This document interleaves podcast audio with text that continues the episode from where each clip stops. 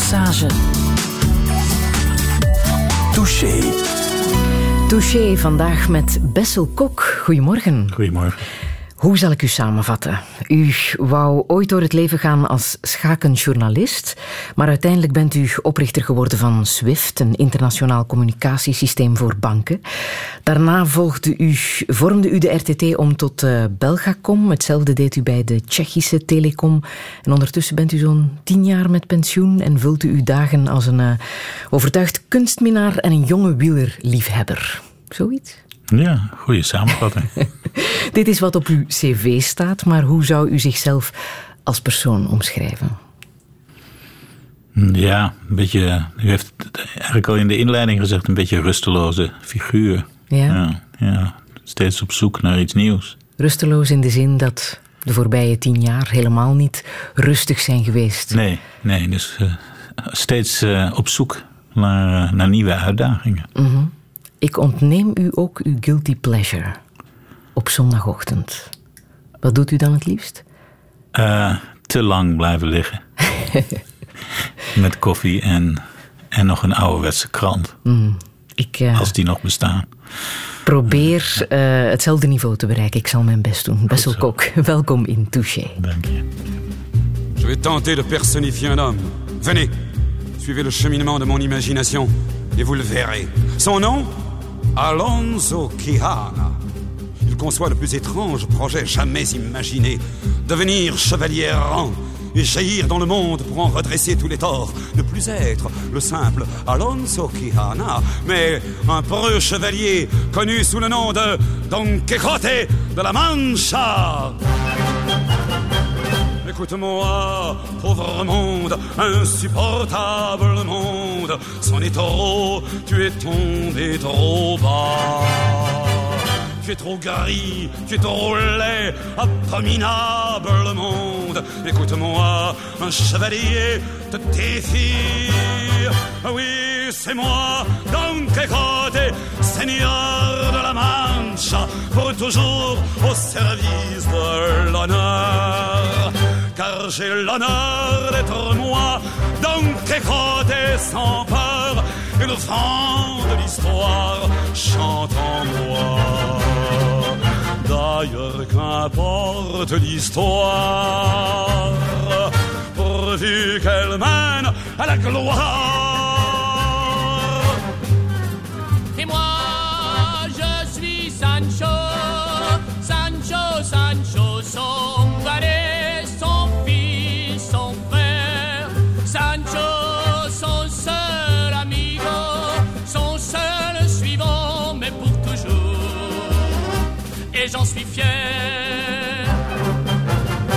Regardez-moi, vous les dragons, les sorciers, les sorcières, votre règne se meurt aujourd'hui. Regardez-moi, la vertu flambe dans ma bannière. Regardez-moi, un chevalier vous défie. Oui, c'est moi, Don Quixote, seigneur de la Mancha, pour toujours au service de l'honneur. Car j'ai l'honneur d'être moi, Don Quixote sans peur, et le vent de l'histoire chante en moi. Et j'en suis fier. D'ailleurs, qu'importe l'histoire,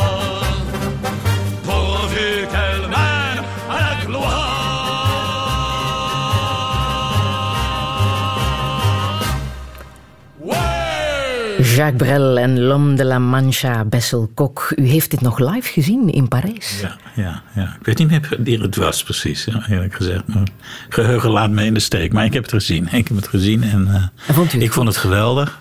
Maar dat, uh, dat was niet de algemene opinie. Wat ik mij herinner is Nee. dit... Is dit geflopt is misschien een groot woord, maar het, het was geen, geen succes. ja. Ik heb het volgens mij in Olympia gezien. In, Parijs, ja.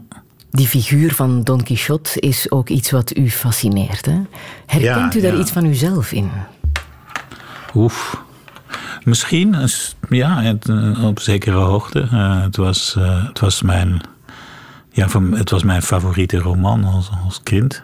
En de, de dolende edelman die eh, ja, toch eh, op zoek is naar, naar nieuwe uitdagingen. En daarbij de, de realiteit uit het oog verliest. Dat is En dacht u als, als kind zo'n leven? Nee, nee, nee. hè? Ik denk niet dat ik zo eh, diep al was aan het graven in mijn eigen persoonlijkheid. Maar het was wel een, eh, een inspirerende ridder. Ja, ja.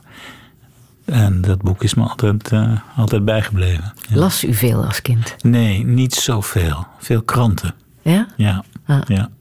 ja. De krant was altijd mijn eerste, het eerste wat ik... eh, Vandaar maar- die droom om journalist te worden. Ja, dat was min of meer Ah. mijn, eh, mijn plan. Een boek dat u allicht moest lezen, want zowat alle Nederlandse kinderen hebben het gelezen, eh, was Kees de Jonge van ja, Theo en Thijssen. dat is echt een, een boek wat mij...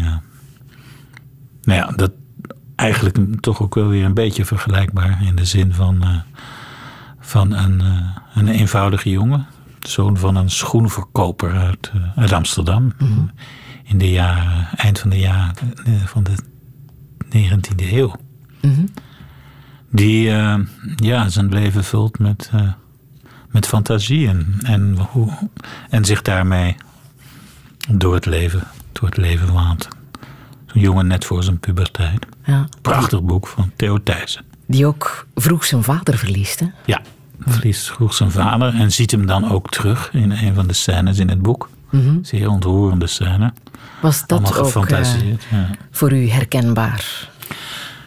Eh, ja, ja, misschien, ja, dat is moeilijk te zeggen, want eh, nou, nou ga je wel ver terug. Dus, eh, maar wellicht, Ja. wellicht, ja. ja. Want uw vader is wel de man Ja, die die het- stierf toen ik zes was. Ja, tussen zes en zeven, ja, zo zes en een half. Ja, Veel te jong, hè? 1947. Bijzonder jong, ja. Ja, vandaag niet meer. Vandaag zou hij niet gestorven zijn. Nee? Nee, dat was een hartaanval tegenwoordig. eh. nou ja, is dat... Ik zeg niet, het is niet niks, maar En wat dat voor, man, overleef je tegenwoordig. Ja. wat voor man was hij? Hij, hij was een, een duizendpoot. Ja, hij was eh, chemicus. Hij had een, een column in, eh, in een krant in Hilversum in Nederland. In de Gooi en Eemlander. Hij schreef prachtige kinderboeken. Ook in het Engels. En hij had... eh, hij reisde heel veel. Heel veel. Hij reisde naar Amerika al. Ik heb nog ansichtkaarten van hem. Die kwamen, dat duurde dan weken voordat hij aankwam. En Indonesië was hij ook veel. Eh, en hij was de grondlegger van ehm, LPG, dat is het gas waar auto's op reden. En hij heeft een maatschappij opgericht, vlak na de oorlog, die heette BKLPG. Dat kan je nu nog zelfs wel zien. BK Bessel stond voor ja, Bessel ja, Kok. Hij heette ja, ook Bessel. Ja. Als ik dit hoor, lijkt het alsof u toch een beetje zijn leven hebt verder gezet. Ja, soms zegt men dan wel, ja, Ja? voor hem die hem gekend hebben, maar er zijn er niet veel meer. Hij was veel ouder hè, dan ik. Ja, Mhm. Hoe was het ja, voor u en uw moeder om Moeilijk. zonder hem te doen? Moeilijk, ja. eh, hij leefde op grote voet. hij was, eh, ja, dat was een hele gulle, joviale man. Woonde in een groot huis in Amsterdam, in, de, in Amsterdam-Zuid. En toen hij overleed, ja, was er niets. En hebben we dat huis omgevormd tot een pension. Mijn moeder. En ik moest dus snel aan de slag, aan het werk. Dat was in, eh, dus in de jaren, late jaren 40. En het huis werd beschikbaar gesteld voor kostgangers, heette dat toen. Ja, ja. Mensen die uit Indonesië kwamen of uit toen Curaçao, dat was een Nederlandse kolonie. En die kregen eh, verlof, groot verlof, elk jaar, drie maanden.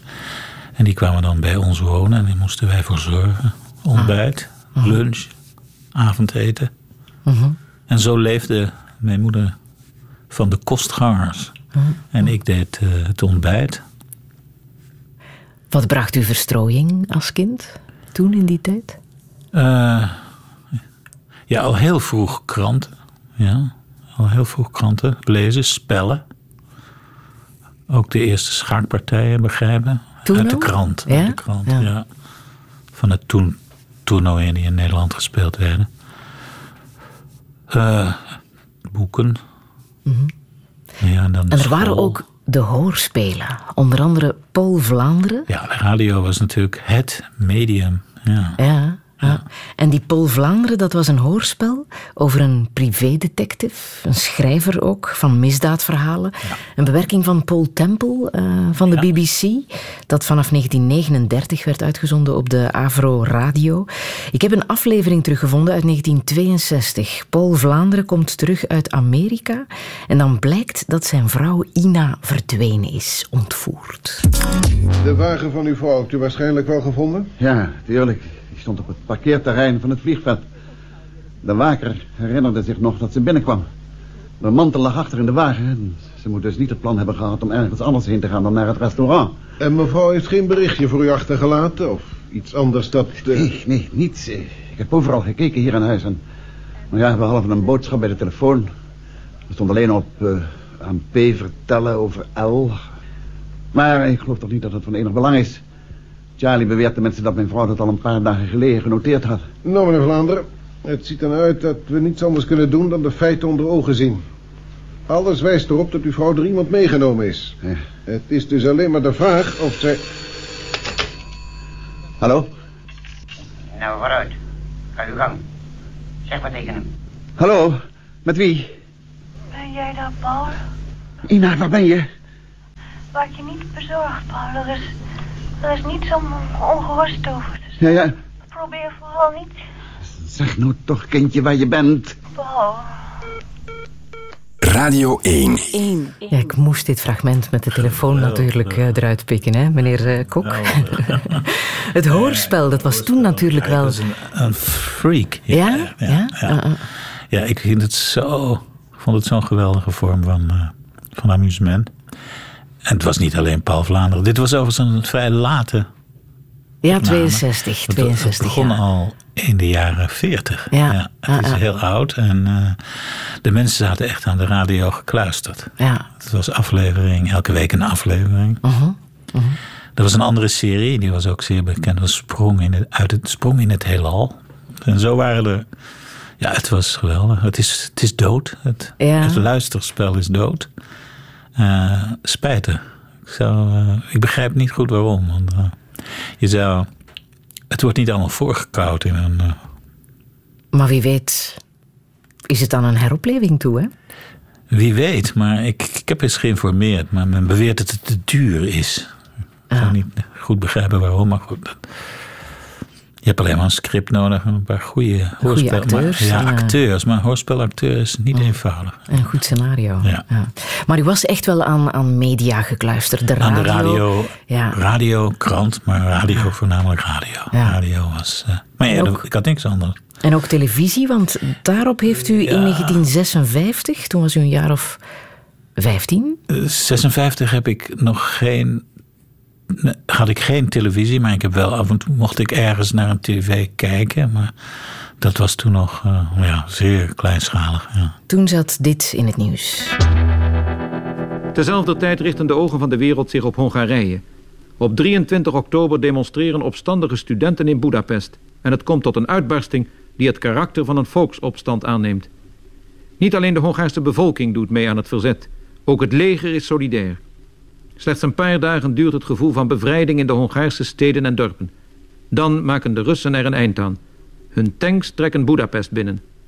Op 1 november slaagt verslaggever Alfred van Sprang erin zijn laatste bericht naar Nederland te krijgen. Radio Budapest meldt zojuist dat 700 Russische tanks de oostelijke grens van Hongarije zijn binnengereden.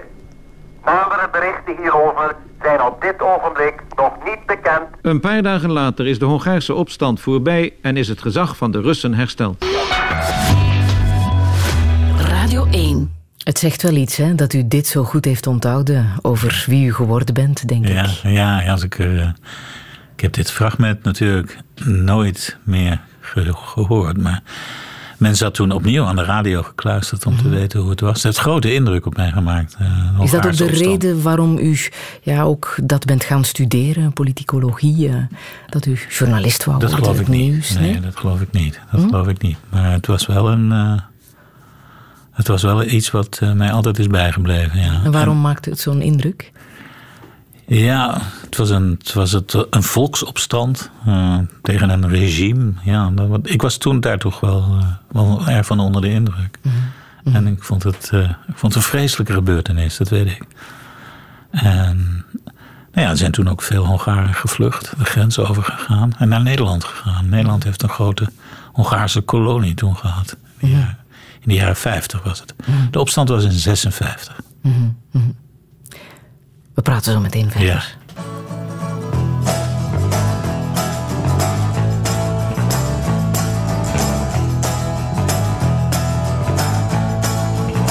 Just the way I'm walking to a life of misery. That's the use of my talking. I'm still in a life for real. My crucified Jesus. And I know just how it was Feel just the same. Da da da dee dum dum. Da dee dum dum. Da da dee dum dum. Da da dee dum dum. Except when I'm fighting, then I wear the same dress. When it's all over, they couldn't care less. Oh, my crucified Jesus,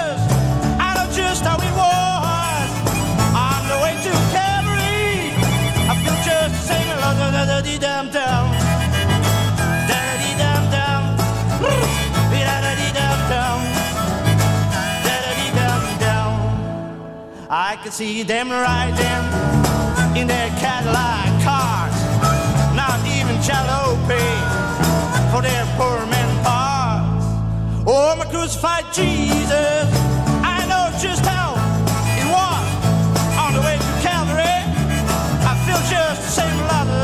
da da da da da da dee dam dam.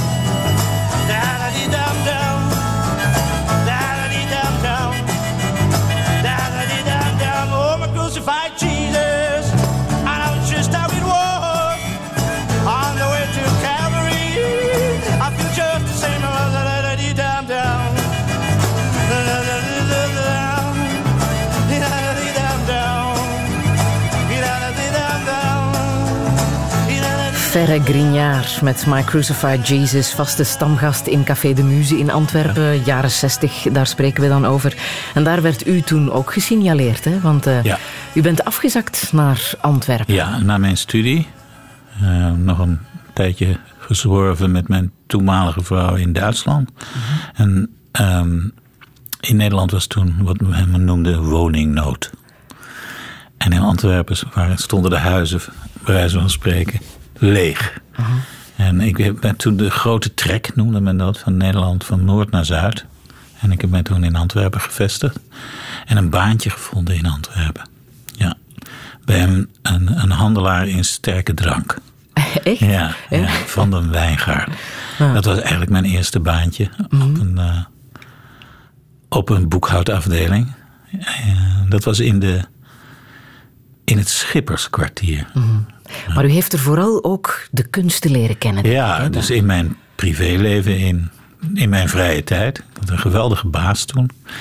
Uh, die heb ik ja, ging je s'avonds natuurlijk uit en je ontmoette mensen. En mm -hmm. Het was een hele rijke periode in Antwerpen. Zo de, heeft u wie zoal ontmoet? Ach, dat was de periode van. Uh, van ach, hoe zou ik ze moeten noemen? Dat, dat, dat waren namen um, uit de filmindustrie. Uh, Vic Chantil, het waren de, de schilders, het waren. De namen ontsnappen mij, het zijn, er zijn er zoveel, maar uh, Guy van den Brande.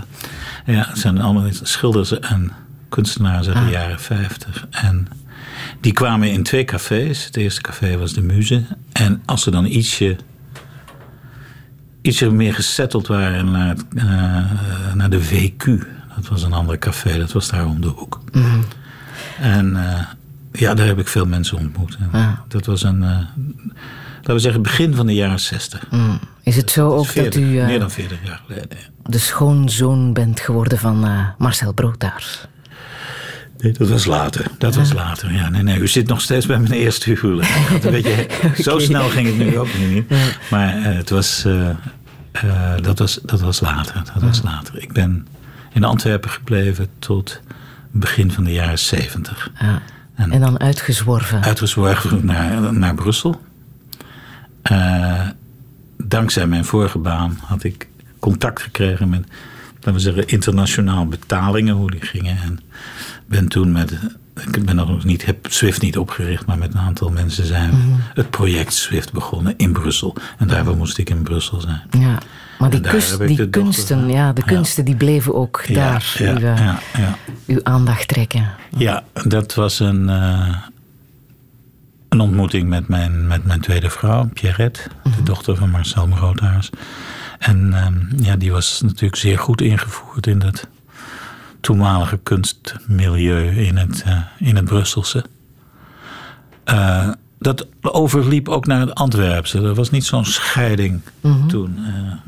Marcel was ook zeer populair in Antwerpen. Mm. en ook dankzij een galeriehoudster destijds, Annie de Dekker. Ik weet niet of de naam. Nee, ik ben mm. nog veel te jong voor. Dus ja, zo ben ik daar in, uh, in Brussel binnengerold. Mm. Dankzij mijn tweede huwelijk. De kunsten is nog altijd iets wat u heel erg eh, fascineert. Hè? Want u heeft... Ja, in Antwerpen al. Uh... Want u heeft nu iets buiten Praag, een, eh, een prachtige galerie, Dox. Nou, die is niet van mij, maar ik ben daar de, de voorzitter. Ja. ja. Ja, dat is een geweldige galerij. Dat is toch wel... Het is een kunsthaus, zou je het zo kunnen noemen. Het is dus geen commerciële galerij. Maar het is een... Uh, 7000 vierkante meter expositieruimte. Oh. Docs in, in Praag. En leeft uitsluitend van privé bijdrage. Een beetje op de Amerikaanse manier. Ja. Met hele kleine staatssteun. Ja. Mm -hmm. Maar met hele grote werken? Met groot werk, met grote internationale tentoonstellingen. Nou, het is alleen maar tentoonstellingen. Mm -hmm. 40 per jaar. Mm -hmm. Als u zo van uh, kunst houdt, heeft u dan zo één favoriet werk? Uh... Nou, Marguerite natuurlijk is voor mij ja? een, on, on, een, ontdekking geweest in België. Um, ook dankzij het milieu van uh, mijn. Uh, in mijn tweede huwelijk heb ik. Uh, Marguerite helaas nooit kunnen ontmoeten, maar Marguerite was wel een, een van de favorieten Broodhuis was een favoriet van, van Marguerite. Daardoor heb ik na de dood van Marguerite Georgette heb, um, leren kennen. Mm -hmm. Ben daar vaak op bezoek geweest. Mm -hmm. En daar veel van haar werk gezien, ja. En het grootste werk wat ik ooit daar gezien heb... Uh, uh, dat, dat uh, Black Magic heette dat, ja. Um, ik weet niet wie het nu heeft, maar het was een van de mooiste schilderijen die ik ooit gezien heb. Ah. Dit is wat René Magritte ooit over zijn uh, uh, vrouw Georgette, Georgette ja. zelf uh, heeft verteld.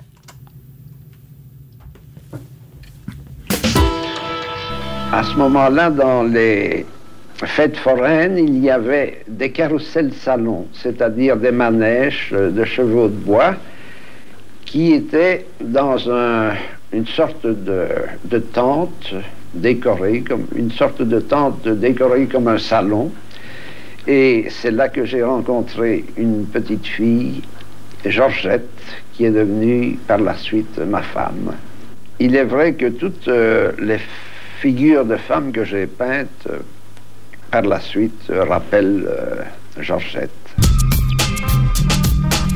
Touché. Alle vrouwen die hij heeft geschilderd zijn geïnspireerd op uh, zijn eigen vrouw, uh, Georgette. Ja, zij was een bijzondere vrouw. Mm -hmm. ja, ja, ze, ja, ze, zag er nog niet echt uit als een, uh, als een kunstminnende ega. Maar en het huis, ik weet niet of je dat herinnert, maar zij, was, zij woonde in de Rue de Mimosa.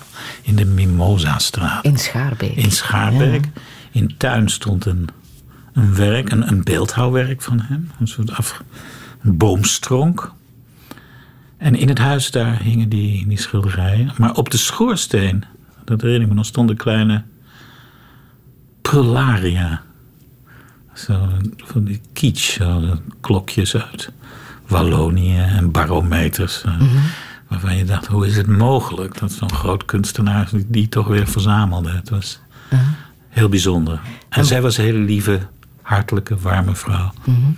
En we hebben toen veel gepraat over uh, hoe zou er een stichting moeten komen om het werk van Margriet uh, te bewaren, een, een, een museum. Of nee. Dat waren toen haar eerste ideeën. En uh, daar hebben we heel lang over gesproken. Hoe zou je dat moeten organiseren? Hoe zou je dat moeten...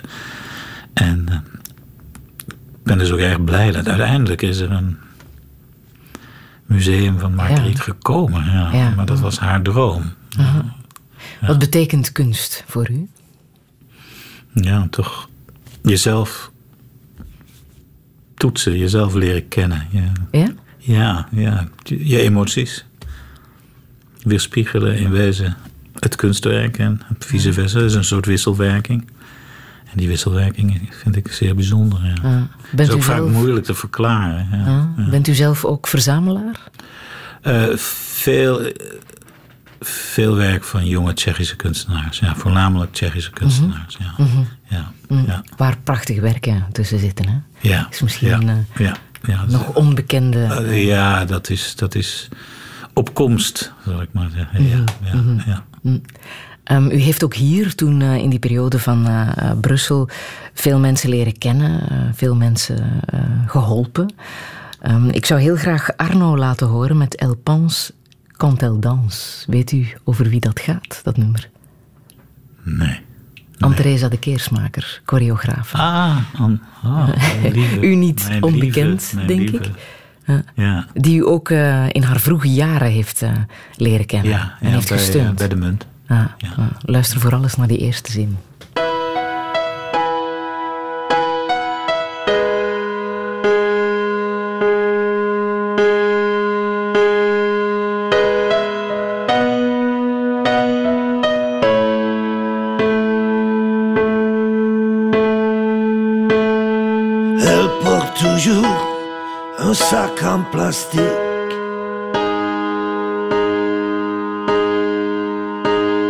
Avec de la bouffe macrobiotique.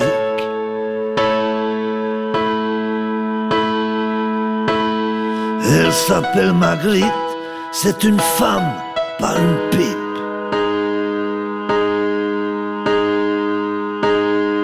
T'as pas de chance, elle pense quand elle danse.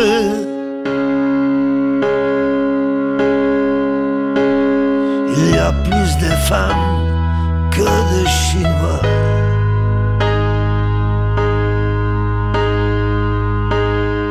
Elle pense à lui et à toi, toi, toi aussi. Elle a trop de tout et assez de choix.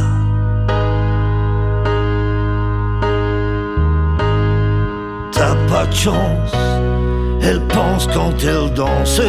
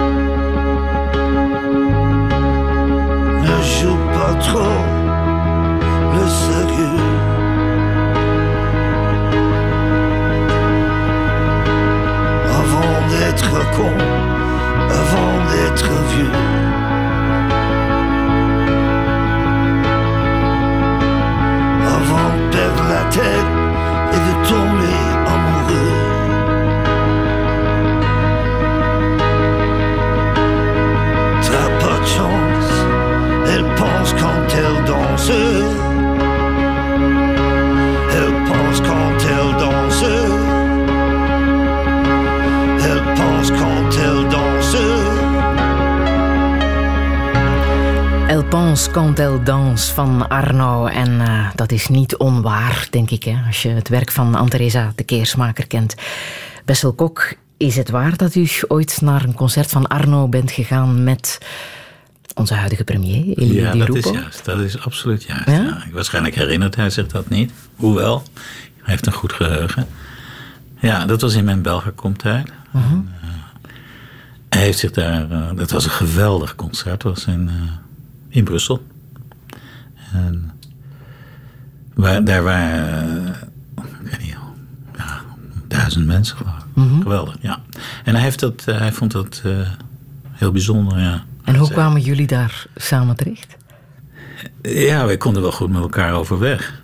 En hij, eh, hij was wel een vooruitstrevend mens. Ja, hij, liet, hij hield van, van popmuziek en eh, moderne muziek. En eh, tijdens dat concert zei hij: Dit is, dit is een cul- nieuwe cultuur die we moeten omarmen. Ja, dat vond hij belangrijk. Hij vond het een belangrijke vorm van cultuur. Ja. Nu, Elio Di Rupo was eh, ook de man die toen, eind 1994, als toenmalige minister, u met deze woorden aan de deur heeft moeten zetten als topman van Belgacom. Eh bien, notre intention est de faire table rase. Notre intention est de dire, à l'occasion de ce passage, eh bien, il faut que le gouvernement ait la possibilité de renommer une nouvelle équipe. Tabula rasa bij Belgacom was het toen, hè? nu bijna twintig jaar geleden. Dat was de intentie van eh, Elio Di Rupo, waarop u samen met eh, de hele raad van bestuur aan de deur werd gezet. Hoe hard was die mededeling toen voor u?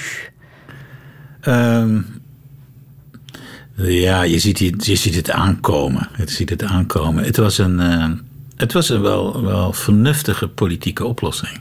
Ja? Ja, eh, ik had een zeer goede relatie met, eh, met de Rupo, ook met Jean-Luc Dehane.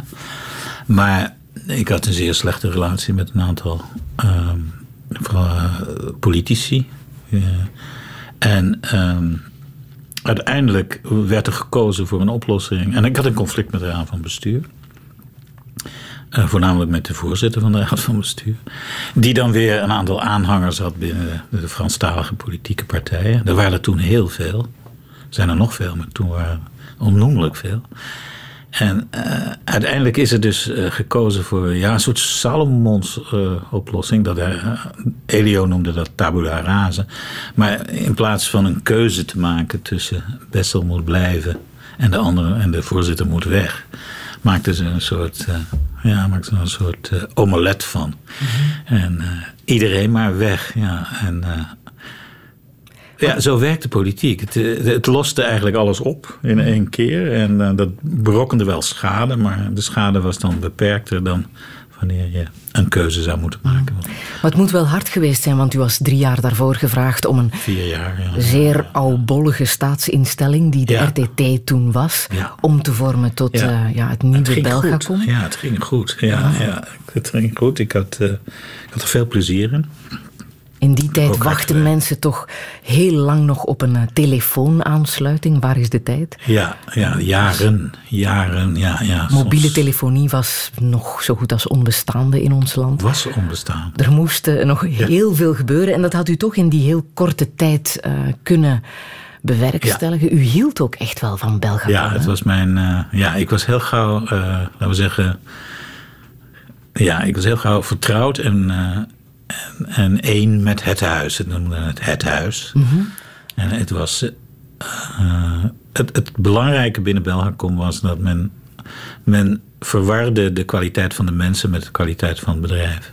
Mhm. Er waren, was enorm veel potentieel binnen de onderneming, maar het kwam er niet uit naar de klant toe. Het woord klant bestond ook niet. Het Je was abonnee. Ja. U heeft het woord klantvriendelijkheid ja, de, de daar klant moest, uitgevonden. ja, klant, abonnee moest weg. Er stonden 700.000 Belgen op de, weg, op de wachtlijst bij de RTT. Sommige 20 jaar. Eh, er was sprake van een zekere vorm van corruptie als je een telefoon wilde hebben. Dan moest je toch wat Iemand goede kennen. relaties hebben. En misschien Ja. ook nog wel een paar goede Belgische franken. En dat is voorbij, ja. Dat, dat hebben we opgelost. Tegenwoordig moet je eigenlijk geld toeleggen om nog een telefoon te willen nemen. Maar, Ah. maar eh, we hebben veel gerealiseerd in die, in die relatief. We hebben de Proximus gelanceerd. Ook dat eh, was eh, voor velen een belachelijk initiatief. Ik ben toen uitgemaakt voor het subsidiëren van rijke BMW-bezitters. Want, want een, een mobiele telefoon was alleen voor rijke autobezitters. Dus, eh, en ook het gebouw heeft mij veel kritiek gekost. Het, Met de glazen brug. Met de glazen brug, Ah. van dag. Een, eh, lijkt een uitmuntende investering geweest te zijn. Maar ja, dat hoor je natuurlijk ook pas twintig jaar later. Dus ik, heb, ik, heb, eh, ik, ik kijk er met heel veel plezier naar terug. Ik heb nog, als ik binnenkom, en ik kom nog wel eens binnen, eh, is het eerste wat men zegt een, een glaasje Chablis. Want dat, eh, met lunch mocht ik altijd een glaasje Chablis. Dus ik heb nog veel oude, oud-gedienden daar eh, binnen, binnen het huis. Ja. Dan heeft u ongetwijfeld ook eh, het recente nieuws eh, gevolgd hè, van het eh, ontslag van eh, de huidige Ja, CEO, ja. Didier Belles. Eh, het was opnieuw Elio Di Rupo die dat nieuws eh, deze keer als eerste minister eh, bekend moest maken.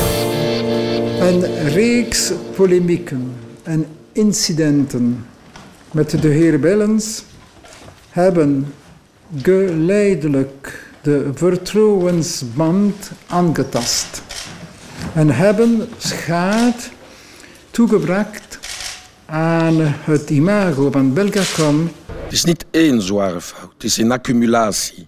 Verschillende elementen sinds 2011 en het was, het was te veel nu, dus eh, ja. Belgacom is back to business. In dit opzicht is de beslissing die we vandaag hebben genomen de vertaling van onze wil om Belgacom te verzekeren van de sereniteit en de stabiliteit die noodzakelijk zijn voor de uitvoering van zijn opdrachten. Touché. U hoorde ook nog eh, Jean-Pascal Labille, minister van Overheidsbedrijven. Um, Bessel Kok, zijn er gelijkenissen te trekken eh, wat u heeft meegemaakt uh, bij uw ontslag bij Belgacom en dit scenario van het ontslag van Didier Belles? Um, ja, maar misschien toch niet zo. Ja, in, in de uitvoering misschien wel. Uiteindelijk het resultaat is hetzelfde. Het CEO verdwijnt van het toneel. Een CEO die uh, goed werk gedaan heeft, volgens mij. Uh, in de zin van de resultaten van de onderneming. En dan kijk ik het vanuit internationaal perspectief van buitenaf. Mm -hmm. Denk ik heeft Belgacom uh, een aantal goede beslissingen genomen. Ook een aantal goede beslissingen niet genomen. Vooral in die wondere wereld van de telecom. Um, maar het, wat ik begrijp is dat uh, het, het intern functioneren is van Balance. Wat uiteindelijk. Ik ken die geschiedenissen niet. Uh, maar in uiteindelijk het eindresultaat ja, is er een overeenkomst. Is CEO verdwijnt en de politiek grijpt in. De, de mm-hmm. politiek, de, laten we zeggen, de, de overheid grijpt in in een beursgenoteerd bedrijf. Dat is natuurlijk iets uh, wat altijd uh, moeilijk ligt. Maar herkent u ook het besmeuren van een reputatie in de media? Um, ja, dat, dat hoort erbij. Dat ja? hoort erbij. Ja, ik denk dat dat in een overheidsfunctie in België uh, lig je zo open en bloot. dat, dat, daar moet je toch een stukje, stukje tegen kunnen.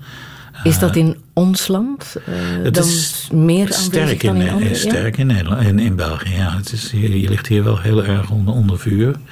Um, en hoe komt dat? Ja, ik denk dat er toch een link is tussen de, de relatie dat je in. Dat de aandeelhouders zijn dubbel in een overheidsbedrijf. Je hebt dus publieke aandeelhouder, dus de overheid, en je hebt commerciële aandeelhouders en investeerders. En die hebben toch een ander beeld van wat ze verwachten van een onderneming. En als die. En dat gaat op een gegeven moment wrijven. De, de overheid zoekt nog altijd, ziet nog altijd in een uh, telefoonmaatschappij het publieke doel, de publieke dienstverlening als haar hoofdtaak. Terwijl uh, de aandeelhouder kijkt naar winstgevendheid en rentabiliteit, dividend. En om die samen tot één beleid te brengen is heel moeilijk. Het is heel moeilijk. En ehm, dat leidt vaak tot kritiek van de ene kant of van de andere kant. Ofwel uh, investeer je te veel of je investeert te weinig vanuit de aandeelhoudersperspectief. Of je denkt niet voldoende aan de klant vanuit publieke. Dus het is, uh, het is echt uh, lopen op eieren, zeggen ze in Nederland. Ja. Mm. En dat, de pers neemt daarin stelling en kiest partij vaak. Dus dat leidt dan tot. Maar ik, ik denk dat in mijn tijd bij Belgacom het iets scherper nog lag dan bij Balance. Heb ik het wel eens het ja? idee. Ja, ja. Omdat toen ja, de politieke was het echt zo dat nog, dossiers ja. die werden bij kranten neergelegd. Ja, ja. Dat heeft u meegemaakt, hè? Die anonieme enveloppes die bij uh, krantenredacties ja, terechtkwamen. bevestigd door de kranten uiteindelijk. Ja. Dus dat denk ik dat dat uh, bij Didier niet is gebeurd. Maar. Enfin, wat, het, wat spijtig is, is dat het binnen de onderneming doet het veel pijn. Want uh, die onderneming krijgt maar steeds weer een, een, conflict op zijn dak. En het ontslag zelf laat de onderneming weer uh, zonder sturing. En dat, mm. dat is niet goed. Ja. U heeft uh, contact gehouden hè, met Didier Belles. Ja, ik kende hem redelijk goed. een totaal andere CEO dan ik totaal anders. Uh, ik denk dat hij dat, dat, precies hetzelfde zou zeggen. Een hele andere, ja, veel beslotener, teruggetrokken -huh. Man. Meer, die meer achter zijn bureau zat. En vanuit, denk ik, vanuit het papier en van, vanuit de strategie dacht dan de communicatie met, met het personeel. Dus een hele andere type CEO. -huh. Maar ja, er zijn verschillende modellen van leiderschap. Dus. En heeft u ook contact gehad na het ontslag? Uh, kort, ja. ja. Om sterkte te wensen, ja. Waarom niet? Hm? Hm. Ja. Wat nu met uh, Belgacom? Ze zijn heel hard op zoek naar een nieuwe CEO. Hebben ze u al gebeld? Ja, niemand heeft mij gebeld. Nee, niemand heeft mij gebeld. Maar uh, het is wel dringend nodig dat er iemand komt die rust brengt in de onderneming. Mm -hmm. het vertrouwen van het personeel heeft. Ik denk dat dat veel belangrijker is dan uh, lange cv's.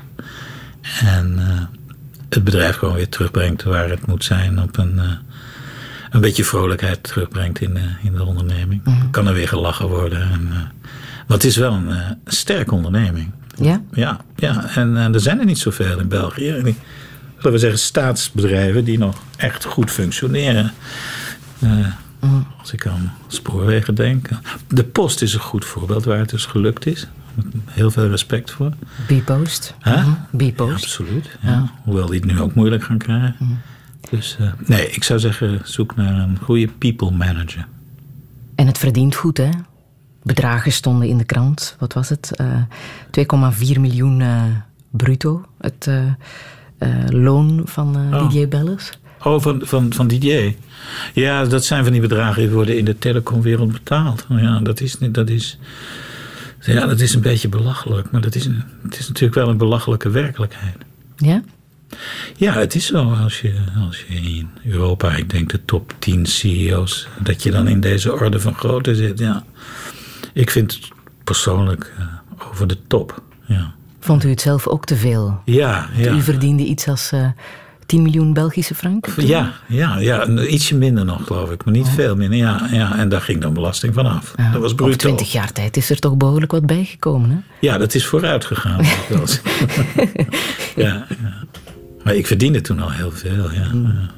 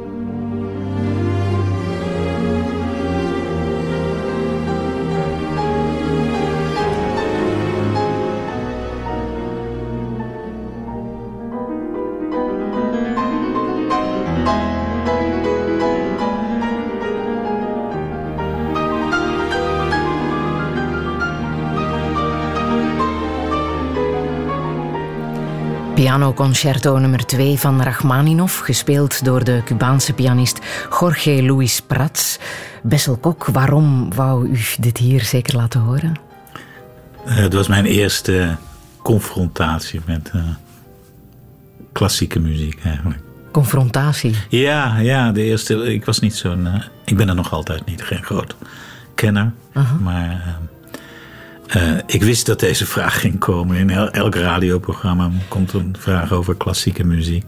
En dit, uh, ja, dit heeft mij uh, altijd zeer. Zeer, zeer vooral deze versie met de. Huh? Vooral deze versie met ja, deze prachtig. Cubaanse ja. pianist. heeft het ook met die ja, interesse voor Cuba te maken? Nee. Nee? Absoluut niet. Nee. nee. nee. Daar heb ik zelfs niet. nog nooit aan gedacht. Nee? nee absoluut niet. Nee. Maar ik vind het prachtig werk. Mm. Wat u wel intrigeert is uh, ja, die actie van die Greenpeace-activisten, uh, die ja. uh, zo net zijn vrijgelaten. Nou, ik heb eerst een medische check. Want toch wat, wat medische problemen opgelopen, waarschijnlijk. Dus ja, het eerste plekje op zoeken waar het rustig is. Want ik heb twee maanden alleen maar herrie aan mijn kop gehad. Dus een plekje waar het rustig is. En dan misschien een whisky. Weet je hoe het Ja. Radio 1. Touché. En dit was een van die Nederlandse Greenpeace-activisten die nu is vrijgelaten. Ja. Die hun leven hebben gewaagd. Uh, met de Arctic Sunrise uh, waren ze gearresteerd door de Russische kustwacht. Ze voerden daar actie tegen een uh, boorplatform Ja, op zee. ja. Wat, wat intrigeert u zo in die, die actie? Nou ja, de brutaliteit waarmee deze mensen zijn behandeld. Mhm. Uh, uh, het, is, het is meer in het algemeen. Ik denk, ik heb dus toch wel relaties met Rusland en de problemen daar via mijn schaakervaring. Ik heb ook zes jaar in Kiev gewerkt. Dat was uh, deeltijds gewerkt in Kiev. Mhm. Nou, en uh, dus ook Kiev is nu weer ontploft. Die, die, de hardheid waarmee daar opgetreden wordt, wordt ja, er wordt ook zo misschien zo laconiek op gereageerd. En uh, ik, uh, ik weet hoe men daar kan ingrijpen. Dat is meedogenloos. En uh, ja, ik vond dit, dit vreselijk. de reactie van velen was: ja, dat is je eigen schuld als je met een boot gaat varen en probeert een protest te uiten. Maar dat is geen lolletje wat daar gebeurd is. Mhm. Mm -hmm. en, ze komen dan wel vrij, maar ze zitten nog altijd vast op dit moment. Om in een soort huisarrest. Ja. En uh, het, is, uh, het is maar zeer de vraag of ze, of ze, of ze, of ze snel thuis zijn. En dat vind ik. Uh, ja, ik vind het in het totale wereldnieuws vond ik dat er eigenlijk weinig aandacht aan besteed werd. Dat zijn, en kan je zeggen dat ze. Ze hebben eerst daar in Moermans gezeten, dat was bitter. Daarna naar Sint-Petersburg en nu in huisarrest. Ja, dat vond het niet. Mhm. in hoeverre zit er, zit er in u iemand die op de barricades gaat staan? Nou, ik denk dat. Ik, niet, ik ben niet iemand die, die, uh, die er voorop staat in een, in een demonstratie. Nee, dat, maar de sympathie is er wel maar misschien geweest, in de, denk ik. Een grote sympathie en uh, als ik kan helpen in de -huh. organisatie dan wel. Toen Kasparov in de gevangenis geworpen werd, heb ik met, uh, natuurlijk ook met de steun van AVL, hebben we een website opgezet. We hebben steunacties georganiseerd en dergelijke dingen meer. Dit doet me daar ook weer aan denken. Het is, en, uh, en opnieuw in dat geval waren de reacties eigenlijk zo voorzichtig. Alles naar Rusland is voorzichtig. Uh, uh. Handelsbelangen zijn zo belangrijk tegenwoordig. Dus ik denk dat het wel extra aandacht verdient als in landen als Oekraïne nu. Ja. Waar, het waar het ook misgaat, denk ik. Um, dat we dat goed in de gaten houden. Uh -huh. um, ik denk in zekere zin bent u dat ook uh, geweest als zakenman. Hè? Heeft u toch ook altijd datgene gedaan wat niemand voor mogelijk uh, achtte? Onder andere de RTT omvormen tot Belgacom, maar ook met uh, SWIFT, het betalingsverkeer tussen banken. Ja, SWIFT is een groot stuk van mijn leven geweest. -huh. ja, van uh -huh. 1973 tot, uh, tot het begin van Belgacom. Belgacom was dus uh mijn vertrek bij, bij Swift. Eh, dat was een totale omvorming van de communicatie tussen banken. Mhm. Ja. En de vervanging van de oude telex naar een modern computersysteem. Swift is gigantisch geworden nu. Het is een, eh, Dat is het. over eh, iets van 11 of 12 miljoen Swift-berichten per dag de deur uitgaan. En toen wij startten in 1977, de eerste bericht. Toen hebben we, geloof ik, 200 op een dag gestuurd. Ja, dus is, dat, is, dat is onvergelijkbaar. ja, als je daarnaar terugkijkt, toen geloofde niemand dat ook, hè? Dat daar iets van zou komen. Van dat Nee, idee. nee, het allereerste Swift-bericht werd door de banken herhaald per telex. Want ze geloofden niet dat dat met een computer Ja. ook echt kon. Ja. Bent u daar toch een beetje trots op? Ja, Swift wel, Swift wel. We hebben net 40 jaar gevierd. Mhm. Al die oude knarren weer ontmoet uit die tijd. waren toen langharige computerspecialisten. Maar nu zijn het eh, bedaarde oude heren en dames geworden. Oh, En dat was bijzonder, ja. Er is ook een film van gemaakt nu. want Het oude Swift, de oude cultuur. Ja? Ja. Dat bedrijf heb ik echt omgevormd tot een, eh, ja, een wonderlijke tent was het. Ja. Ik wil nog even eh, muziek van John Cage laten horen. Dream, gespeeld door eh, Stephen Drury. Wat moeten we daarover weten? John Cage was eh, bij mij in Brussel voor het openen van een groot schaaktoernooi. Samen met de weduwe van Marcel Duchamp. Ze waren close. Aha. En Cage was een verwoed schaker. En Cage moest de muziek kiezen voor de opening van het schaaktoernooi. En eerst stelde hij voor om eh, Silence te doen. Silence is een pianostuk met 4 minuten en 33 seconden stilte. Nou, dat vond ik te, te schokkend voor het publiek. En toen heeft hij gezegd, nou ik zal iets eenvoudigs laten horen. En dat was eh, Dream.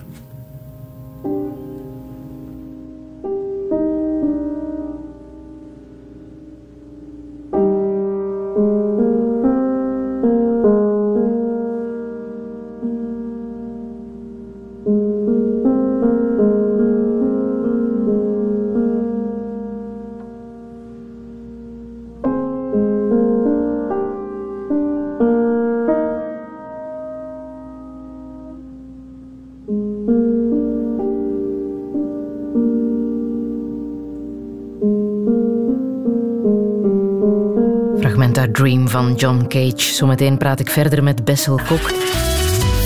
Radio 1. Friedel Lesage. Touché.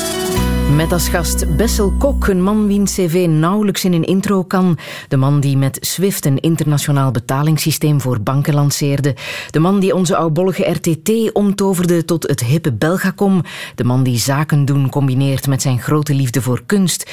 Die een fantastische galerij runt aan de rand van, eh, rand van Praag. En die met Elio Di Rupo naar concerten ging. En dat bijzondere leven is hiermee nog lang niet uitverteld. Want bij elk project dient zich alweer een volgend aan. Dit is deel 2 van Touché. Een goede middag. Is this the real life? Is this just fantasy? Caught in a landslide, no escape from reality. Open your eyes, look up to the skies and see. I'm just a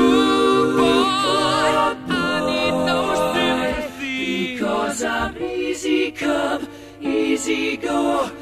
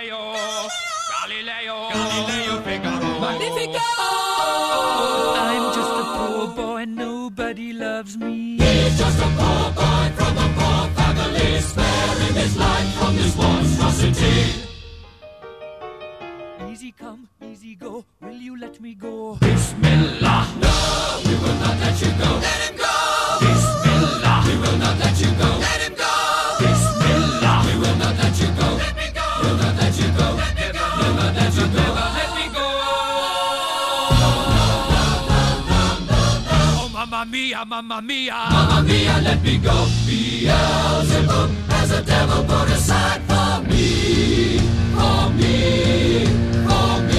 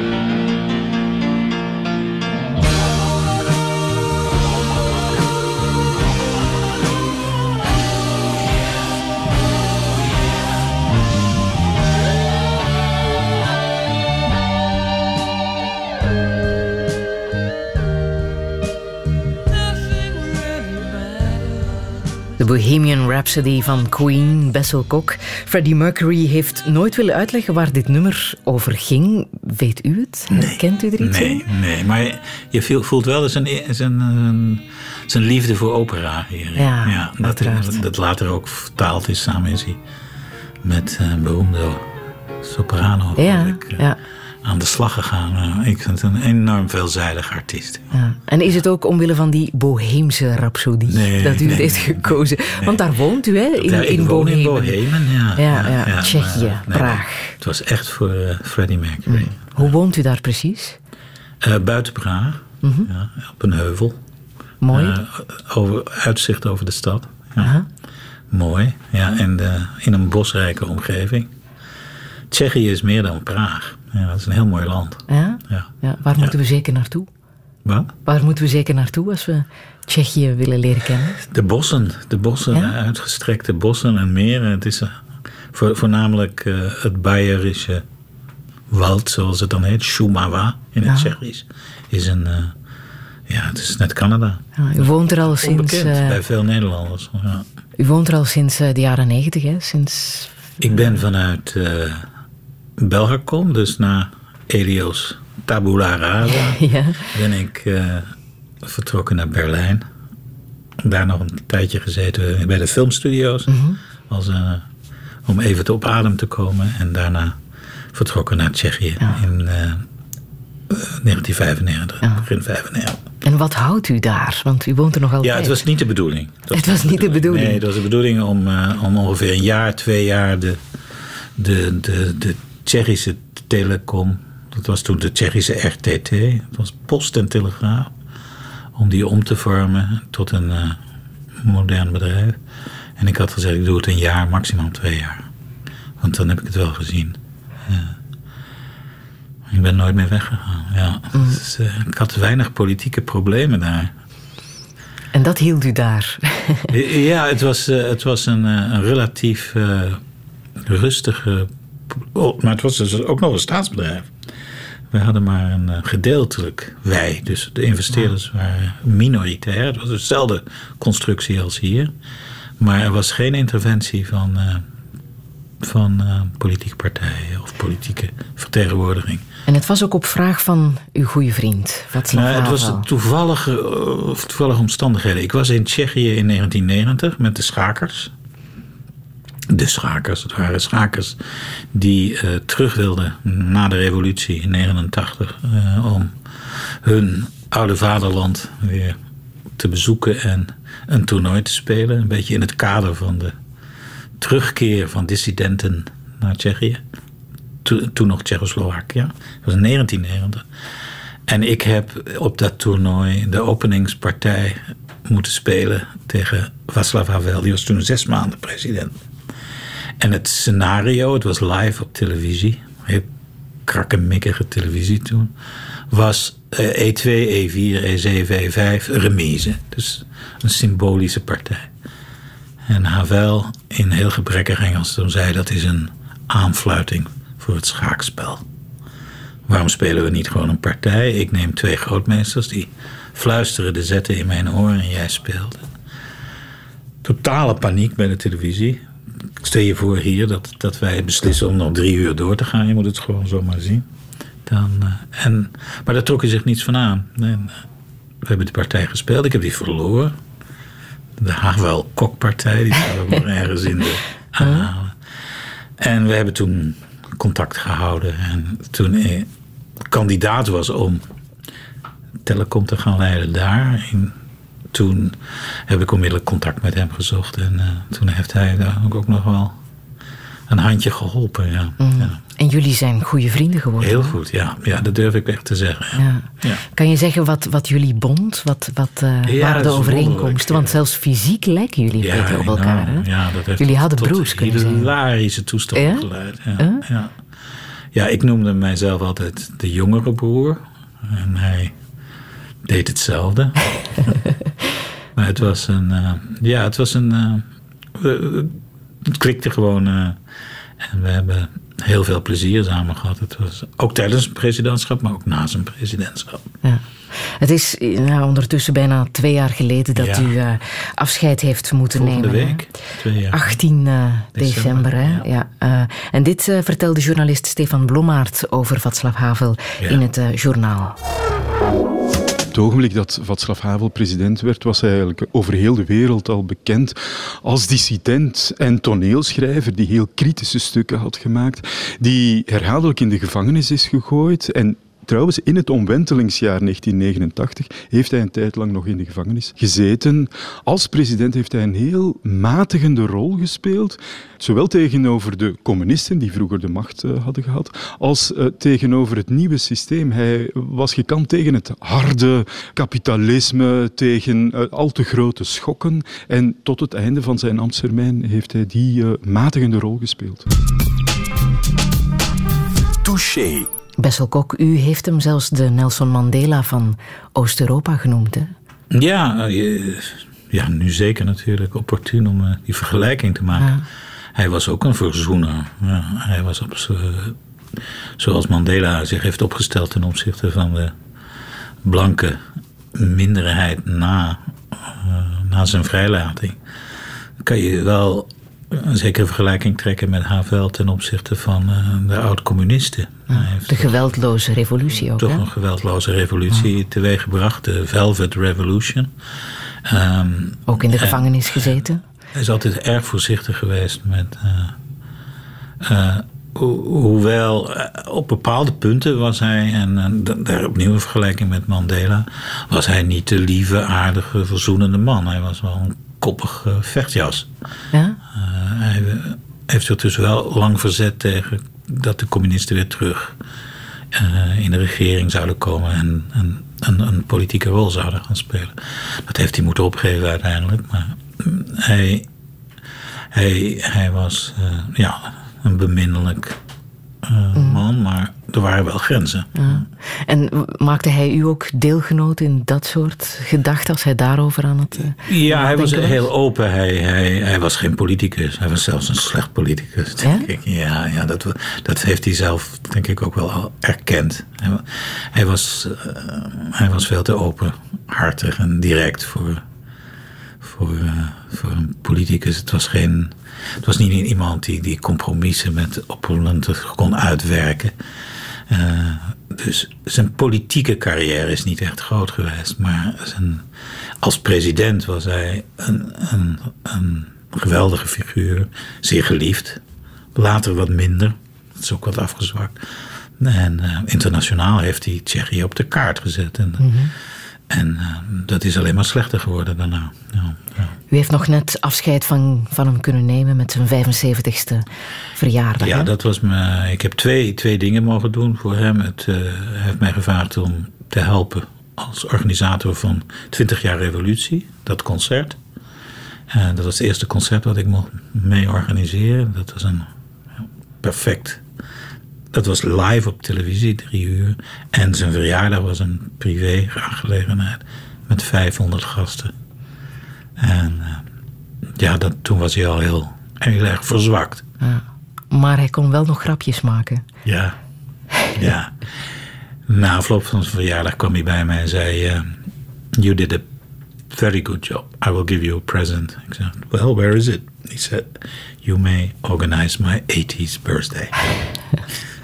en dat was eh, een paar maanden later is hij overleden. Ja. Mm, mm. Hoe heb je echt van hem kunnen afscheid nemen? Ehm, ja, in een, in een eh, gigantisch. eh, we hebben eerst de officiële dienst gehad in, eh, in de kathedraal. Ijskoud, met alle grootheden der aarde. Dat zul je waarschijnlijk nu bij Mandela weer gaan zien. Maar daarna heeft zijn vrouw Da- Dasha heeft voor intieme vrienden een kleine besloten bijeenkomst georganiseerd. En eh, dat was veel indrukwekkender. Ja. Daar werden ook zijn muziek gespeeld en zijn eh, stukjes van zijn toneelstukken. Dus dat, dat, dat was het echte afscheid. Ja. Mm. Is dat ook iets dat, dat pijn heeft gedaan? Ja, ja, het was iemand die, eh, die, die je gaat missen op een gegeven moment. Want als er politieke conflicten nu zijn of eh, eh, toch ontwikkelingen in Tsjechië waarvan je zegt dat zou onder haar wel niet gebeurd zijn. Ja. Die autoriteit is weg. Mm. Ja. Dat concert, daar wil ik een fragment uit laten horen. Daar waren inderdaad de grote namen aanwezig. Het was de revolutie, 20 jaar revolutie. Ja. Eh, Susan Vega was er, Joan Baez, eh, Ja. Lou Reed ook, die er samen heeft gezongen met sopraan eh, René Fleming. Ja, wat geïmproviseerd. Fantastische versie van A Perfect Day. just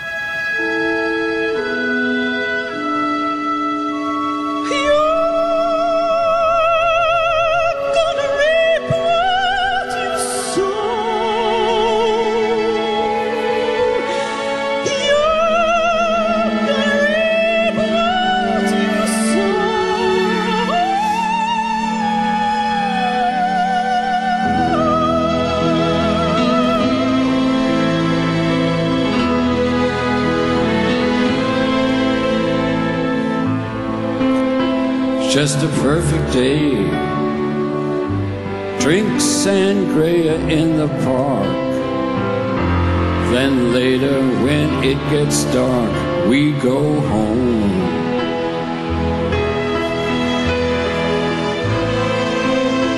Just a perfect day. Feed the animals in the zoo. Then later, a movie too, then home.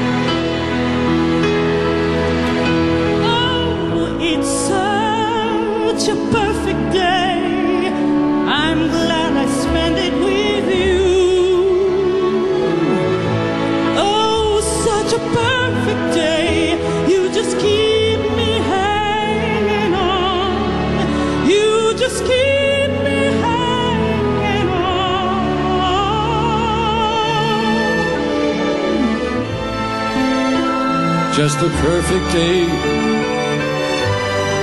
Problems all left alone. Weekenders on our own. It's such fun. Just a perfect day. You made me forget myself. I thought that I was someone else, someone good.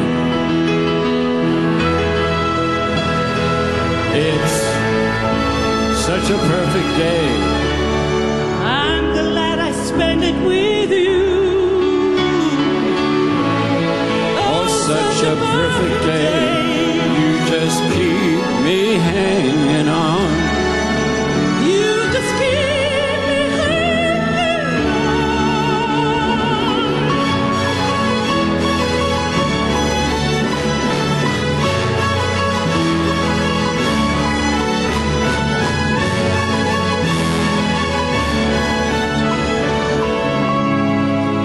Going to reap just what you sow.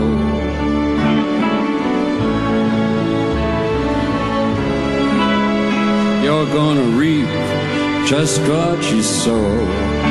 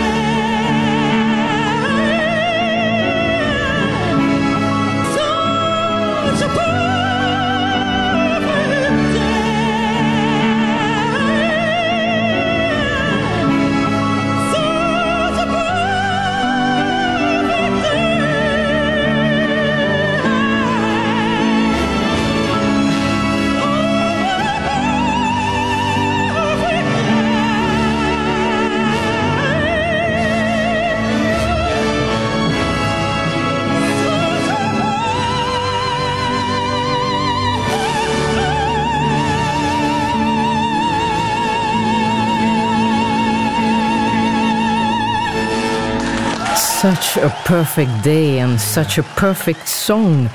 de geweldige versie van eh, Lou Reed en eh, Renee Fleming, zoals ze het samen zongen op die eh, 20ste verjaardag van de fluwele revolutie met een zichtbaar ontroerde Václav Havel op de Ja. eerste rij. Madeleine Albright zat er ook op de eerste Ja, rij. zij was er ook. Ja, ja, ja. En, toch door hem heeft u heel veel grootheden ontmoet, hè? Ja, hij was, eh, hij was wat dat betreft eh, zeer informeel. En eh, als er weer. Natuurlijk, hij, hij was zo'n beroemdheid dat als mensen naar Praag kwamen, dan moesten ze allemaal Havel zien. En eh, dat, dat in plaats van daar audiënties van te maken, zei hij soms dan. Hij, nou, ik krijg die en die op bezoek. Laten we, laten we iets gaan eten. Of, of ik kom naar jou toe en dan koken wij. En zo hebben wij, mijn vrouw en ik, Martina en ik, hebben nogal wat eh, mensen over de vloer gehad. En eh, dat waren Echte grootheden, Ja, Hollywoodsterren. en Ja, ja, zowat iedereen eh, kwam wel bij jullie voorbij. Ja, man, ja, ik wil niet gaan, niet gaan opscheppen, maar Matt Damon was, was daar voor verschillende malen. Ehm, Terry Gilliam, ehm, Colin Farrell, Heath Ledger, helaas. Ja, eh, Alain Delon. Grote, grote namen. En die sleepte die dan mee en dan maakte daar een informele avond van. Ja. Ah. Met soms hilarische discussies. Eh, Ja? Ja, ja. Waarover dan? Matt Damon heeft is, eh, is een, geen anekdote, hij heeft, hij vroeg hem tijdens een van onze diners, we hadden net gekookt, hoeveel hij verdiende als president. Hij zei, how much do you make? Alleen een Amerikaan kan zoiets vragen. En hij legde toen uit dat hij iets had van 1500 dollar per maand. En het honorarium voor Matt Damon, voor de film die hij maakte in Praag, was 10 miljoen dollar. Dus Matt Damon werd een beetje stil. en toen zei hij wel, but Matt, it's not so bad, actually. Uh, it's much better than it used to be before. en toen vroeg Matt waarom. Toen zei hij, ja, vroeger gooiden ze ons uit het raam. En nu krijg ik op zijn minst toch 1500 dollar. En toen werd het helemaal stil bij meneer Damon. Ja. Ik kan me voorstellen dat je, daar, dat, ja. ja. En dat je daar op slag ook wijzer van wordt als Ja, mens. hij gaf zo af en toe iemand zo'n leert wijze les mee in zijn antwoorden. Ja. Nu, qua grootheden is het niet opgehouden, hè? want nu eh, zoekt u de grootheden op in eh, de wielrennerij. Ja, dat is, dat is totaal toeval geweest. Dat heb ik Alles nooit is toeval opgezocht. in uw ja, leven. Ja, het is een, dit is, het is Ook een- dit. Ja, een, eh, een goede partner, een collega, een vriend en zakenpartner in Tsjechië is eh, dol op wielrennen. En op een dag weer raakte besmet met het virus van de Tour de France. Als hij daar was, hij was helemaal. En zei: We moeten iets gaan doen in het wielrennen. Ik zou zo graag in het wielrennen willen stappen. En eh, toen kwam er een mogelijkheid om een Belgisch wielerteam te kopen. Je kan net, als een club kan je een wielerteam kopen. En eh, Patrick Lefevre zocht naar een nieuwe investeerder. En, en zoals zo vaak, eh, mijn vriend zei: Jij moet dat maar doen, want jij bent Belg en je kent België. En, en zo ben ik met Patrick in contact gekomen. En dat was snel gegaan. Mhm. We zijn een team, we hebben een team gevormd. Dan heb je het over jouw goede vriend eh Bacala, de ja, zakenman. Stenjek Bakala was de zakenman. En eh, met Patrick ben ik eigenlijk goed bevriend geraakt. Ja. En behalve de wielerploeg eh, zou je ook echt wel een Champions League voor eh, wielrennerij willen opzetten. Hoe staat het daarmee om? Ja, dat was het, het volgende plan van Bacala was om die wielersport toch, toch, toch aantrekkelijker te maken voor, voor televisie. Eh, uiteindelijk, het is natuurlijk een prachtige sport, maar is het behoorlijk saai als je zes uur lang naar, naar etappen moet zitten kijken. En proberen een meer competitief element erin te brengen door een soort Champions League te organiseren voor wielrennen, wat in het voetbal al bestaat. Daar een formule voor uit te denken die eh, ook, ook aantrekkelijk wordt voor het publiek om te volgen. Wie is nu de beste renner? Wat, een, be- een beetje als in tennissen. Dat je weet wie is de number one ranked player.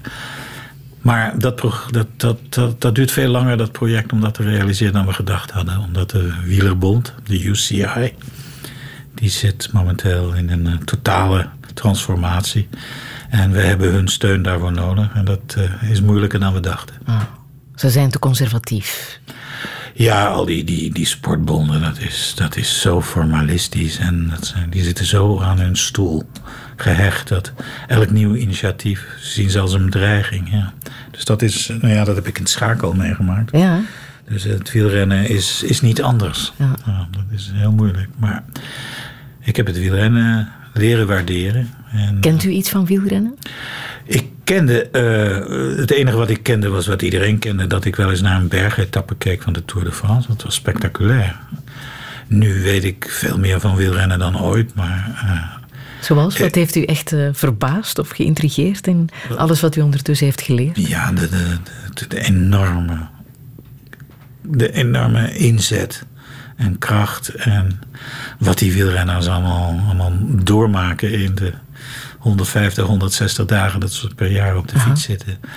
Ehm, de, de team spirit die, die Patrick daar binnen heeft opgebouwd. Ehm, het is echt een familiebedrijf. Ja, En is het van alle sporten 60 ook- mensen fulltime in, een- in, een, Ah. in een wielerteam. Is het van alle sporten ook de meest Het is bijzondere? de zwaarste sport volgens mij ter wereld. Kan niet anders. Ja. Niet te vergelijken met de schaaksport, hè?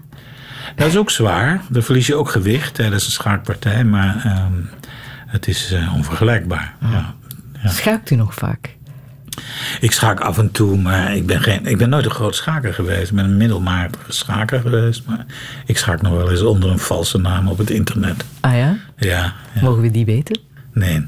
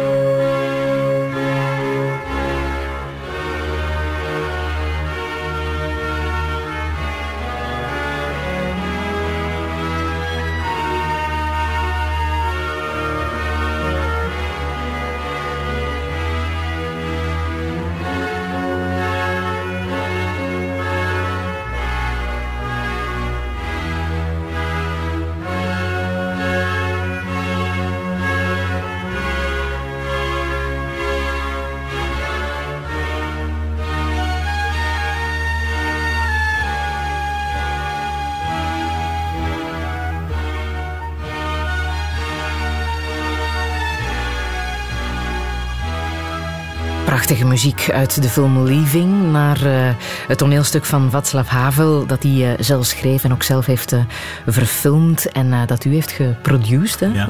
Bessel Kok.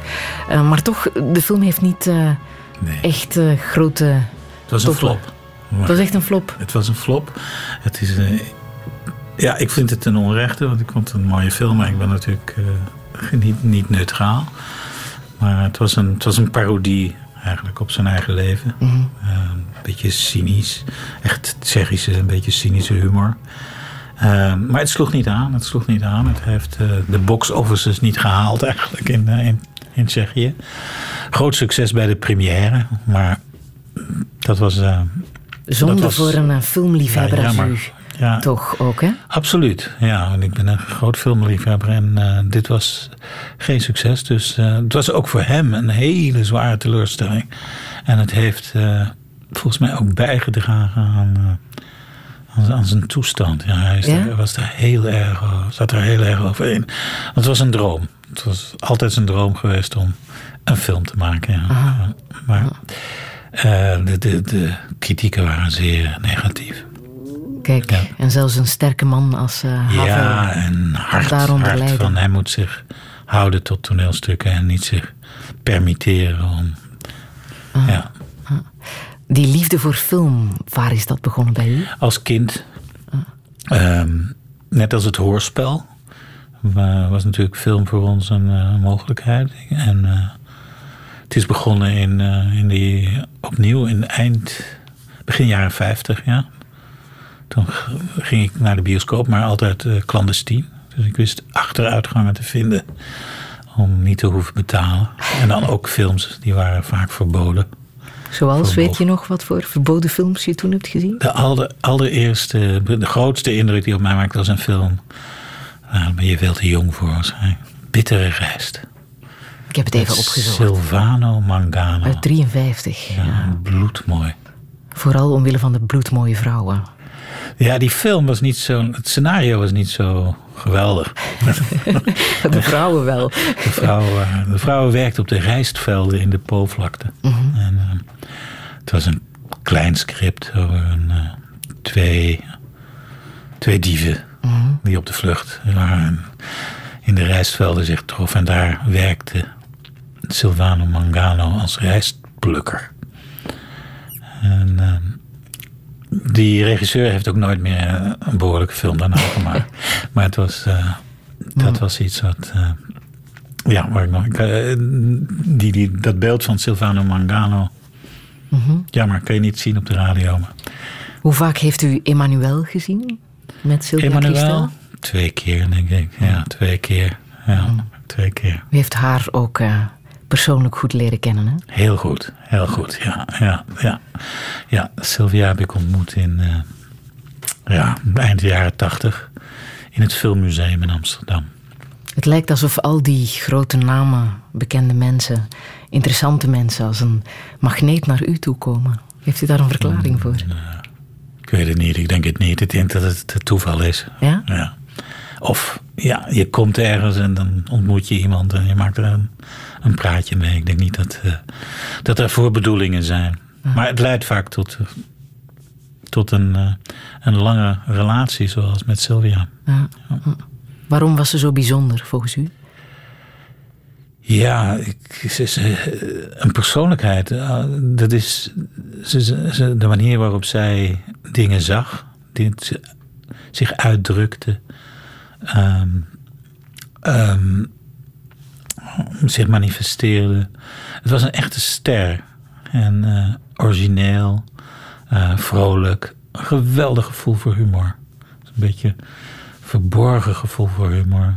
Prachtige vrouw. Ja, eh, totaal onderschat als actrice.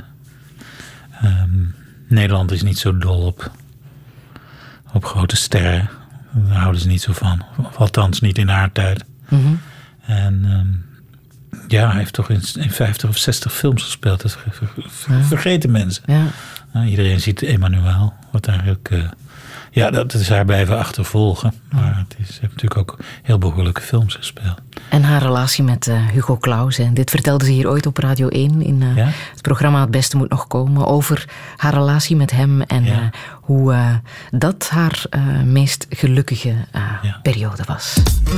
Ik was toen een jong, onnozel schaap.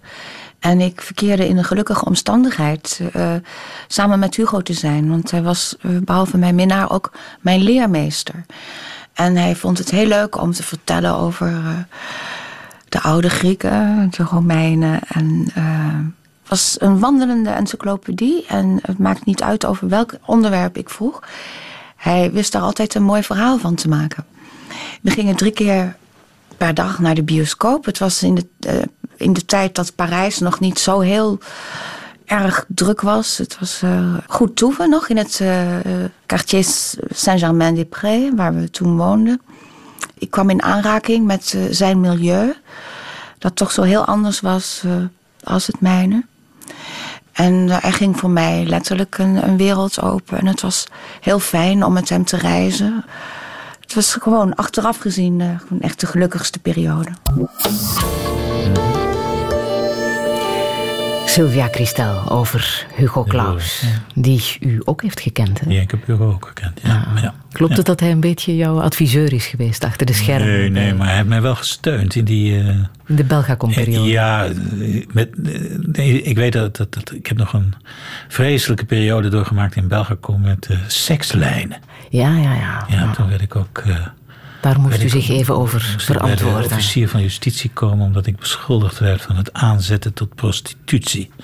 Dat waren die 06-lijnen die Mhm. Belgacom eh, ter beschikking stelde van exploitanten. En toen heeft Hugo daar ook eh, heel erg fel op gereageerd en mij gesteund daarin. Ja. Welk advies gaf hij u toen? Nou ja, van trek je niks aan van dit onzinnige land enzovoort. Hij was, eh, hij was een, nou, ja, hij was, eh, was een lieve man, lieve man, ja. Ondertussen. Ja, af en toe eh, zei hij tegen Sylvia, is, is Bessel jouw nieuwe verloofde? Ja, dat, moest met een glimlach zijn. Maar ondertussen zijn ze er niet meer, hè? Sylvia, Ja, het gaat wel snel. Hugo ja, natuurlijk. Ja, maar dat is het, eh Wat doet dat het met u? van onze tijd. Ja, het gaat snel. Het wordt leeg hè, rond je heen als je Ja, over de voel je 70 dat? bent. Nou, je merkt het toch. Ja, of of mensen beginnen te praten over gezondheid. Ja. Ja, en u? Huh? Nou, dat gaat wel, ja. Hm. Ja. Maar is het een gemis dat die mensen één voor één Ja, wegvallen? absoluut. Ja, Sylvia zeker. Ja, dat was, eh, dat was altijd pret om eh, met haar in Amsterdam te zijn. En, eh, ehm, ah, ze kon geweldig vertellen en verhalen over haar, haar filmcarrière. was heel bijzonder. Eindeloze verhalen over een slechte film die ze ook gemaakt heeft. Die heette Airport. Of iets. In een Concorde met Alain Delon. Waar ze een- de liefde met, met hem bedrijven in een toilet van een Concorde. Nou, je lag gewoon onder de tafel. Ja, het is een groot gevoel voor humor. Ja. Concordes, daar kent u ook wat van, hè? Huh? Ja. Ja, daar heeft u ook mee heeft bijna gevlogen. baan gekost, ja. Ja. Ja, dat, eh, ik denk dat zouden ze me nu vergeven. Ja, dat was om een, eh, een trip om voor Belgacom een grote deal te sluiten. En had ik 24 uur de tijd met AT&T. Ja. Dan vloog Dat u met de gelukt, Concorde naar ja. New York. Ja, er was geen andere mogelijkheid. ja. U heeft er tenminste Maar nog dat mee stond de volgende gevlogen. dag groot in de Soir. Dat was een, een mij niet goed gezinde krant. Ja, ja. Maar u heeft er tenminste mee gevlogen, hè? ja, ja bestaat ook niet meer. Ook ter ziele.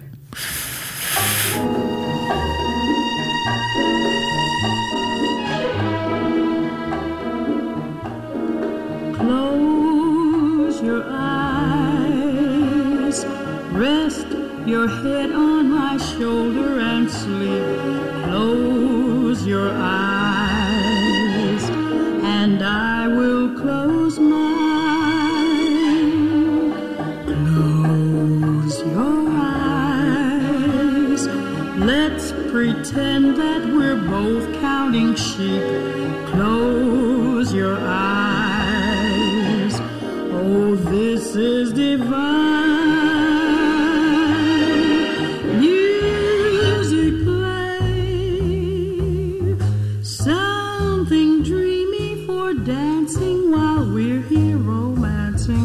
Love's holiday, and love will be our guide. Close your eyes when you open them, dear. I'll be near by your side. So won't you close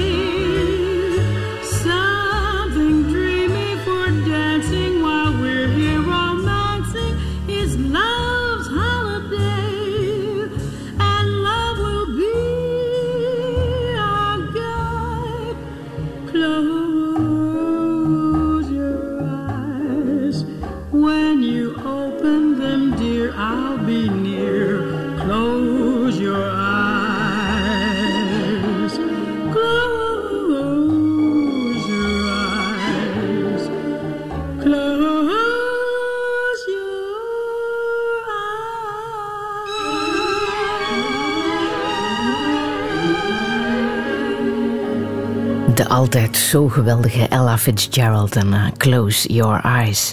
Bessel Kok, mag ik zeggen dat u vrijdag 72 wordt? Ehm, ja, is ik heb te laat.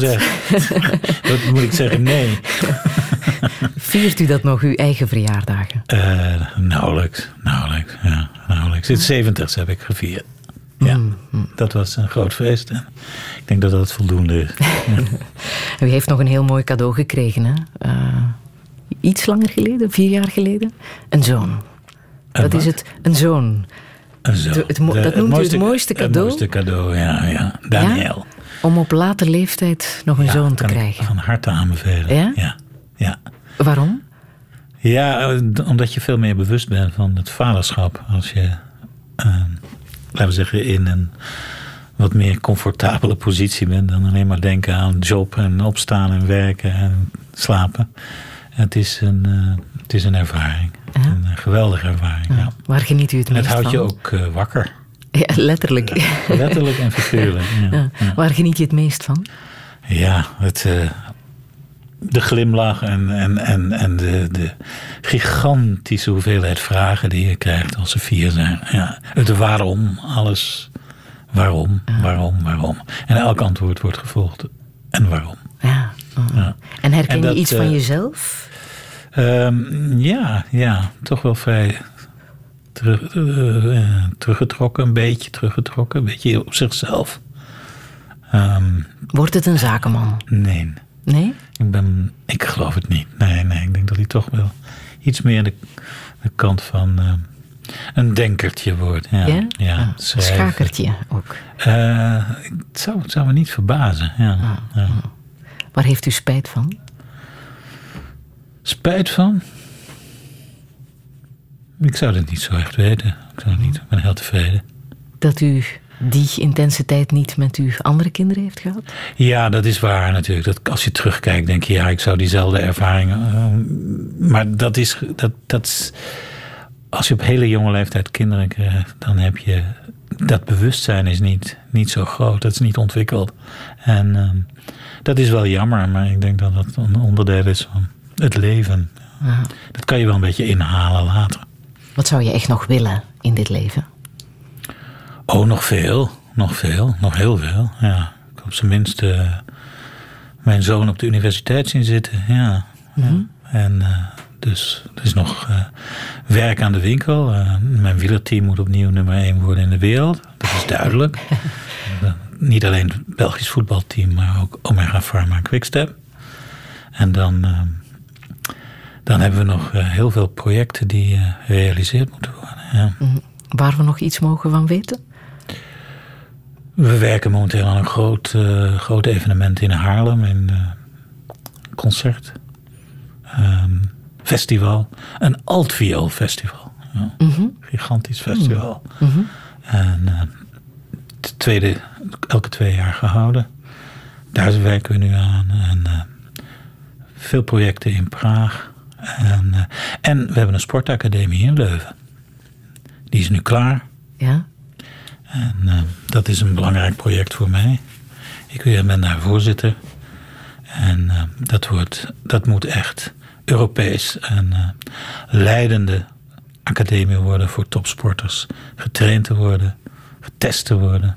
En eh, een zeer bijzonder eh, gebouw. Neemt dat staat ooit- er. We hebben twee jaar aan gewerkt. Neemt u ooit rust? Nou ja, dit is rust. Dit is rust. Dit is Ja. rust. Ja, dit interview was eigenlijk heel rustgevend. Hoe, hoe zou u herinnerd willen worden? Ach, ehm, moeilijk. Moeilijk te zeggen. Misschien als eh, iemand er iets heeft bijgedragen aan, eh, aan het slagen van een project. Of het opstarten van een project. Het slagen van een project is nog iets. anders. Het opstarten van een project. Ja. Welke boodschap wilt u nog meegeven? Ehm, always look at the bright side of life. Ja, dat is mijn, een van mijn favoriete films. Life of Brian. Lijkt mij ook een goede hangen. samenvatting voor wie u even, bent. Aan het kruis hangen nog even door blijven zingen. Wat we hier ook nog even gaan doen met muziek van Stravinsky, gespeeld door een eh, altvioliste die eh, u steunt, hè? Esther Apituli, die we dringend Apitule. Ja. die we dringend moeten leren kennen. Ja, ja, grandioos uh, altvioliste. Heel snel, de altviool is een beetje ondergeschoven kind Aha. in de vioolwereld. En, maar zij is een, uh, een formidabele vertolkster van dit instrument.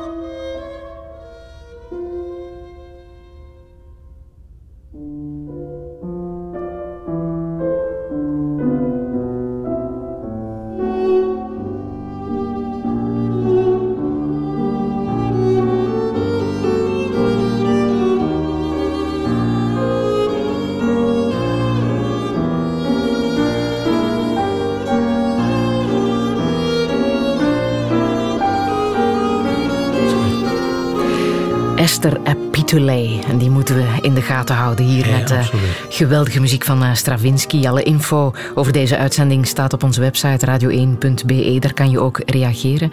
Bessel Kok, ik wil je heel hartelijk bedanken voor dit eh, fijne gesprek. En alvast een heel fijne verjaardag toewensen. En goede en moedige dagen. Touché.